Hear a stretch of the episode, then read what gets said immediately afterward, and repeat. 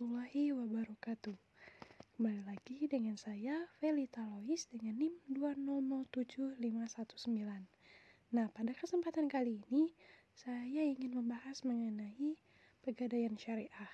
Sebelumnya teman-teman pasti sudah mengetahui ya apa itu pegadaian. Menurut salah satu sumber Pegadaian merupakan lembaga keuangan yang secara resmi memiliki izin untuk melaksanakan kegiatan operasionalnya yakni berupa pembiayaan kredit kepada masyarakat dalam bentuk penyaluran dana dengan jumlah yang relatif kecil maupun besar atas dasar gadai. Pegadaian juga bisa disebut sebagai jasa titipan atau jasa taksiran. Nah, selanjutnya beralih ke pegadaian syariah. Jika dalam syariah disebut arohan. Pegadaian syariah sendiri merupakan harta benda yang dijadikan sebagai jaminan utang agar hutangnya tersebut dilunasi atau dikembalikan atau dibayarkan harganya jika tidak dapat mengembalikannya. Nah, menurut ulama Syafi'i ya dan Hanabila, rahan merupakan merupakan menjadikan suatu barang yang biasa dijual sebagai jaminan utang dipenuhi dari harganya bila yang berhutang tidak sanggup membayar hutangnya. Nah, jasa pegadaian syariah ini sering dijadikan salah satu pilihan bagi seseorang yang membutuhkan uang dengan cepat. Pegadaian syariah juga merupakan alternatif peminjaman yang dapat dipilih oleh masyarakat ekonomi rendah, ekonomi menengah, maupun ekonomi e, menengah atas. Nah, dalam gadai sendiri terdapat rukun-rukunnya, di antaranya yaitu sang penerima gadai yaitu rahan, rahin, Sang pemberi gade yaitu murtahin, harta gade sendiri yaitu marhun, utang atau marhun bih, dan akadnya. Nah, adapun syarat dari rahan sendiri atau gade yaitu penerima dan pemberi gadai haruslah mengerti hukum. Oleh karena itu, tidak sah jika seseorang tidak mengerti hukum akan gadai ini, yaitu jadi akad gadai ini sempurna bila harta gadai telah dikuasai oleh penerima gadai.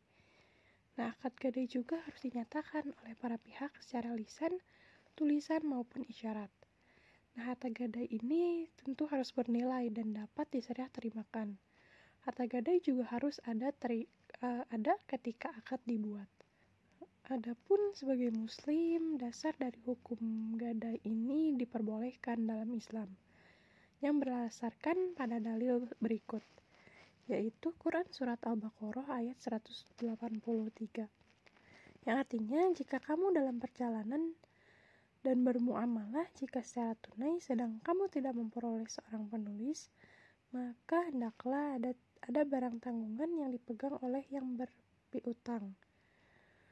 Akan tetapi, jika sebagian kamu mempercayai sebagian yang lain, maka hendaklah yang dipercayai itu menunaikan amanatnya atau hutangnya.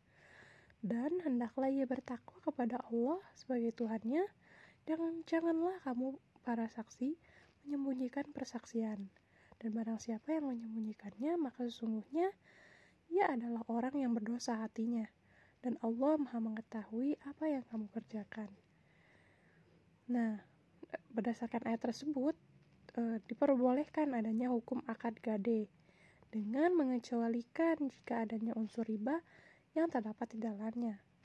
Seperti itu teman-teman. Nah, Betulnya pegadaian syariah dalam proses pinjam meminjamnya sama dengan pegadaian konvensional yang ramai di uh, yang telah ramai seperti itu. Namun bunga yang dikenakan pada pegadaian konvensional pada pegadaian syariah ini diganti dengan biaya penitipan pada pegadaian syariah. Nah, mekanisme operasional dari pegadaian syariah sendiri dapat digambarkan dengan akad rohan, yaitu seperti nasabah menyerahkan barang bergerak dan kemudian pegadaian menyimpan dan merawatnya di tempat yang telah disediakan oleh pegadaian.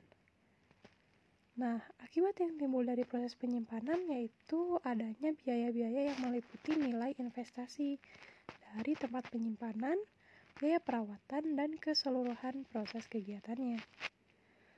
Dalam pengoperasionalan pegadaian syariah terdapat empat prinsip kerja, di antaranya yaitu Prosesnya sangat cepat dan juga mudah. Jaminan atas keamanan atas keamanan dari barang ini terjamin. Keamanan atas barang ini terjamin dan pinjaman yang optimum. Nah, tujuan dari berdirinya pegadaian syariah sendiri yaitu untuk mewujudkan kemaslahatan umat dan saling tolong-menolong. Pegadaian syariah juga tentunya memiliki tiga prinsip dasar yang bersumber atas kajian ekonomi Islam. Yang pertama yaitu tauhid, yakni pondasi ajaran Islam. Yang kedua ada ta'awun atau tolong menolong. Lalu yang ketiga ada prinsip berbisnis atau tijaroh. Terdapat beberapa persamaan antara pegadaian syariah dengan pegadaian konvensional. Di antaranya persamaannya jika barang uh, jika batas pinjaman uang telah habis, maka barang yang digadaikan boleh dijual atau dilelang.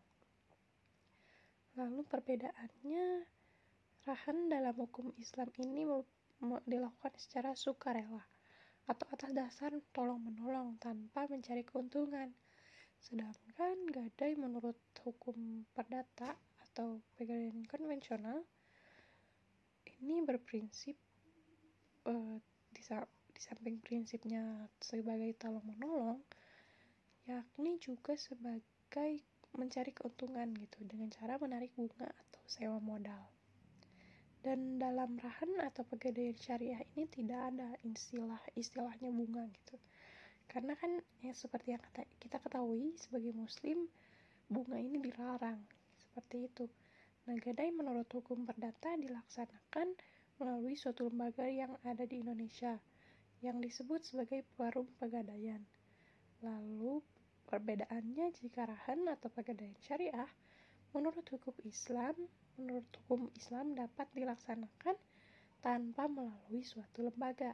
Nah, terdapat beberapa produk dari pegadaian syariah. Di antaranya yaitu rahan. Rahan sendiri yaitu merupakan gadai emas syariah. Lalu terdapat pembiayaan porsi haji, yakni pembiayaan untuk mendapatkan porsi ibadah haji secara syariah dengan proses yang cepat, mudah, dan aman. Lalu selanjutnya terdapat gadai emas angsuran syariah, yakni produk pegadaian untuk memberikan pinjaman dana tunai dengan jaminan perhiasan emas atau berlian. Nah, pinjaman ini dapat diangsur melalui proses yang mudah dan juga sesuai dengan syariah tentunya. Lalu ada Rahan Hasan merupakan rahan dengan tarif pemeliharaan sebesar 0% dengan jangka waktu 60 hari dan berlaku, untuk besaran marhun bih atau uang pinjaman yang bergolongan A atau 50 sampai 150 ribu. Nah, lalu ada rahan fleksi dan yang terakhir ada rahan bisnis. Yang yakni pinjaman dana tunai kepada pemilik usaha dengan jaminan emas batangan atau perhiasan. Lalu selanjutnya terdapat non-rahan. Nah, produk dari pegadaian syariah ini ada juga loh yang non-rahan atau mikro. Seperti cicilan kendaraan, pinjaman usaha syariah, atau arum BPKB merupakan pembiayaan syariah untuk pengembangan usaha mikro kecil dan menengah atau UMKM dengan jaminan PPKB kendaraan bermotor. Lalu selanjutnya terdapat gadai sertifikat merupakan pembiayaan berbasis syariah yang diberikan kepada masyarakat yang telah berpenghasilan tetap ataupun rutin, pengusaha mikro atau kecil dan petani dengan jaminan sertifikat tanah. Nah, selanjutnya terdapat investasi berupa cicilan cicil emas merupakan layanan penjualan emas batangan kepada masyarakat secara tunai maupun angsuran dengan proses yang mudah dan jangka waktunya pun fleksibel. Cicil emas sendiri dapat menjadi alternatif pilihan investasi yang aman untuk mewujudkan kebutuhan masa depan seperti menunaikan ibadah haji, mempersiapkan biaya pendidikan anak, memiliki rumah idaman, serta kendaraan pribadi. Lalu yang lainnya terdapat tabungan emas. Nah, merupakan pelayanan penitipan saldo emas yang dapat memudahkan masyarakat untuk berinvestasi dan produk-produk pegadaian syariah lainnya. Kesimpulannya, pegadaian syariah merupakan salah satu alternatif pendanaan yang sangat efektif karena tidak memerlukan persyaratan dan proses yang rumit.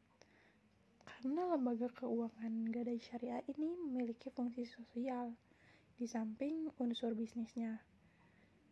Fungsi sosial ini sangat besar atas kemaslahatan umat sesuai dengan konsep ta'awun dalam Islam. Mungkin cukup sekian apa yang dapat saya sampaikan. Kurang lebihnya mohon maaf. Wassalamualaikum warahmatullahi wabarakatuh.